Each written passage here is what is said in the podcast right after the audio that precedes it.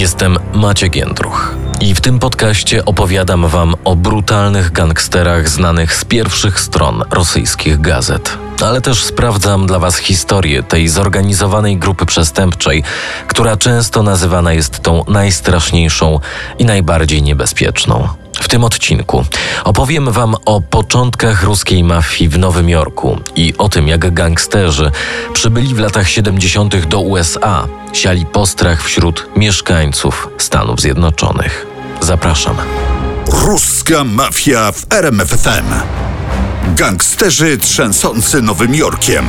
Rosyjscy bandyci w USA. Sekwencja pierwsza. Mała Odessa. Na południu Brooklynu, według danych z 2019 roku najbardziej zaludnionego okręgu Nowego Jorku, znajduje się Brighton Beach. Dzielnica jest zamieszkała nieoficjalnie przez około 80 tysięcy osób, głównie imigrantów z Rosji. Właśnie ta dzielnica, zwana później Małą Odessą, zyskała sławę w Związku Radzieckim w latach 70. XX wieku jako miejsce, do którego masowo emigrowali głównie Żydzi ze Związku Radzieckiego, głównie z Ukrainy i Rosji. To miejsce, można powiedzieć, przejęte poniekąd przez Rosjan i innych obywateli byłych republik radzieckich, stało się na tyle kultowe, że pojawiało się nawet w grach komputerowych. Na przykład w słynnej serii GTA. W jednej z części gry także pojawia się odpowiednik tej dzielnicy, którym trzęsą rosyjscy mafiozi. Również po upadku Sowieckiego Sojuza w Brighton Beach zaczęli osiedlać się emigranci z byłych republik. Dzisiaj wciąż obszar całej tej dzielnicy znany jest z rosyjskojęzycznych restauracji, kawiarni, sal koncertowych. Działają tam ośrodki kulturalne i edukacyjne dla rosyjskojęzycznej społeczności. Także stacje radiowe, studia telewizyjne, redakcje gazet. Podobnie jest w hiszpańskim raju ruskich mafiozów, czyli Costa del Sol, któremu poświęciłem jeden z poprzednich odcinków ruskiej mafii w RMFFM. Za to historia ruskiej mafii w Nowym Jorku zaczyna się dokładnie w roku 1974.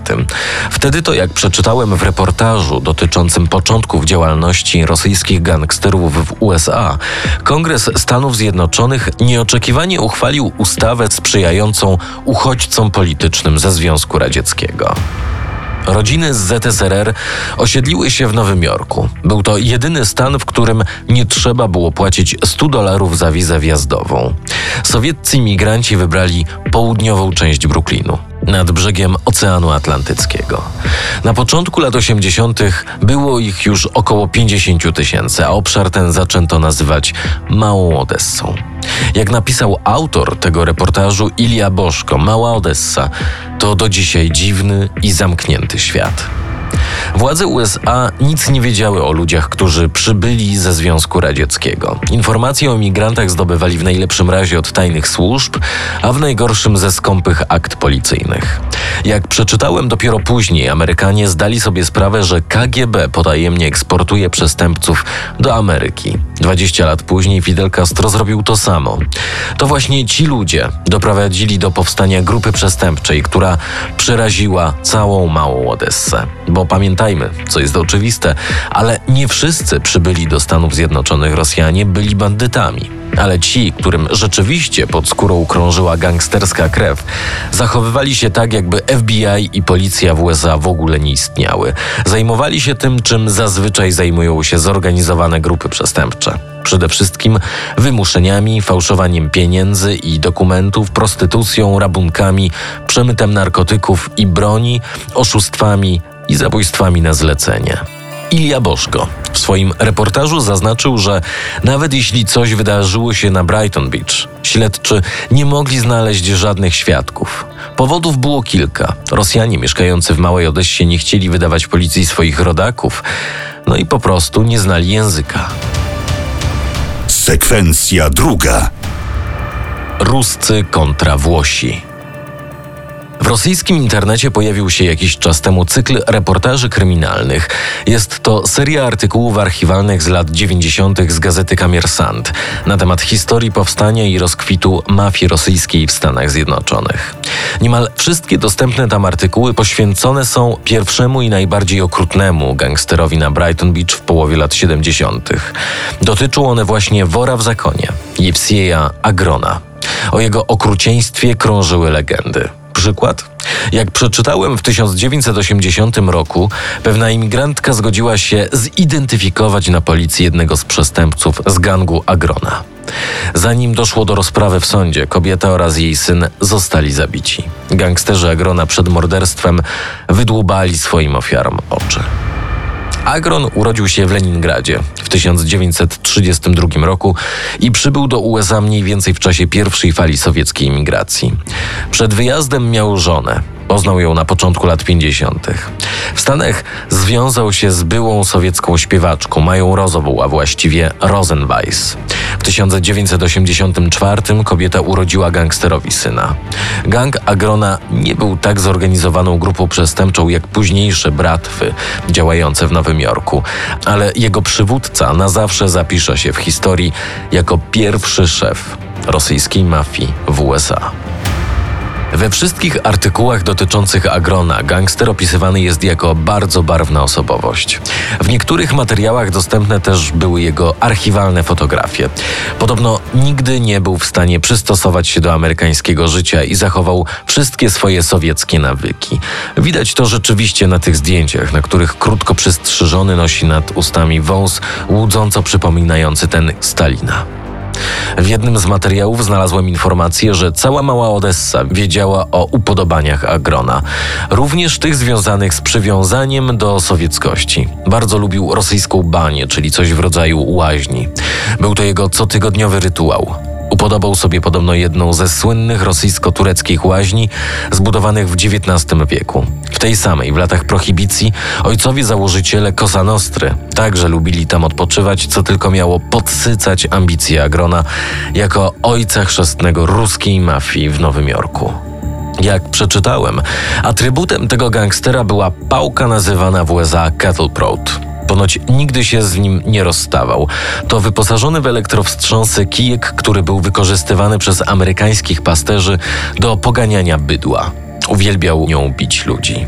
W innym materiale przeczytałem, że w 1985 roku został torturowany przez ludzi, którzy go zabili właśnie tym przedmiotem swoją ulubioną zabawką.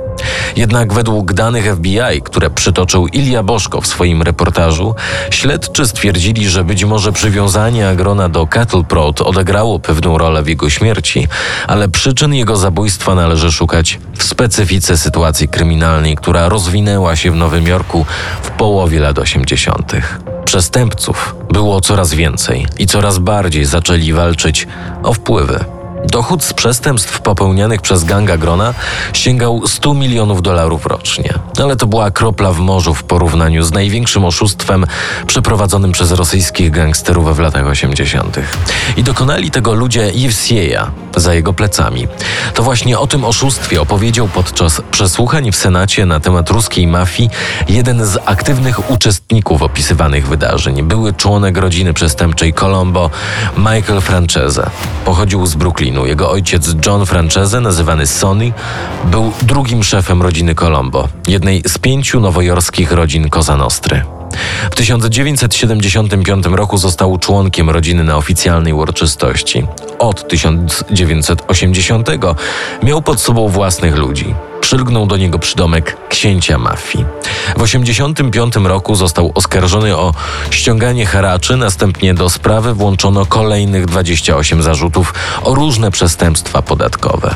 W 1986 roku na mocy porozumienia z Wydziału do Spraw Przestępczości Zorganizowanej pozostały tylko dwa z 28 tych zarzutów. Książę mafii otrzymał 10 lat więzienia i 15 milionów dolarów grzywny. W 1987 roku, będąc już w więzieniu federalnym w Kalifornii, postanowił zerwać związek z rodziną Colombo i zaczął współpracować z władzami. Dlatego zgodził się zabierać głos w senackich przesłuchaniach na temat rosyjskich mafiozów. Dla Cosa Nostry biznes z Rosjanami, według zeznań Francese, stał się drugą najbardziej dochodową robotą po handlu narkotykami. Nie kiwając małym palcem, otrzymywali od rosyjskiej mafii 400 milionów dolarów rocznie. Jak przeczytałem, Cosa Nostra była przekonana, że to 75% dochodów ruskich gangsterów. Ale w rzeczywistości rosyjscy bandyci po prostu ich oszukiwali, kradnąc co najmniej półtora miliarda dolarów rocznie. Być może to właśnie porachunki z Cosa Nostrą były powodem zabójstwa Agrona. Albo zabił go ktoś z wewnątrz. Sekwencja trzecia. Ostatni boss Brighton. Yvsi Agron został zastrzelony 4 maja 1985 roku przy wejściu do swojego domu. Wcześniej Agron już dwukrotnie przeżył próby zamachu. Tak naprawdę do dzisiaj nie znaleziono rzeczywistego zleceniodawcy i wykonawców tego morderstwa. Zaraz po zabójstwie policja, jak przeczytałem, zaczęła szukać jego ochroniarza, Borisa Neifelda, którego podejrzewano o udział w zabójstwie. W dniu morderstwa to on musiał sprawdzić wejście do domu swojego szefa i czekać na niego w samochodzie. Jednak Neifeld podobno w tajemniczy sposób zniknął na kilka minut przed strzałem w głowę do jego szefa. Po śmierci Agrona Boris Neifeld automatycznie zaczął pracować dla jego następcy Marata Balagula, który został skazany za przemycanie benzyny w 1991 roku. Następnie Boris Neifeld przejął resztki zorganizowanej grupy przestępczej Marata i zaczął samodzielnie budować swój własny biznes przestępczy. 5 lipca 2022 roku nowojorskie wydawnictwo William Morrow Company opublikowało książkę Douglasa Sentry The Last Boss of Brighton. Książka opowiada o życiu jednego z najsłynniejszych szefów rosyjskiej mafii w Nowym Jorku, Borysie Najfeldzie. Urodził się na terenie dzisiejszej Białorusi w 1947 roku. Żyje i ma się dobrze. W latach 90. dorobił się milionów. Tak samo jak inni rosyjscy gangsterzy, nie powstrzymywał się od najokrutniejszych rozwiązań swoich problemów. O nim także opowiem Wam w ruskiej mafii w RMFFM. W następnym odcinku. Do jednego z głównych źródeł dochodów gangsterów należy handel narkotykami.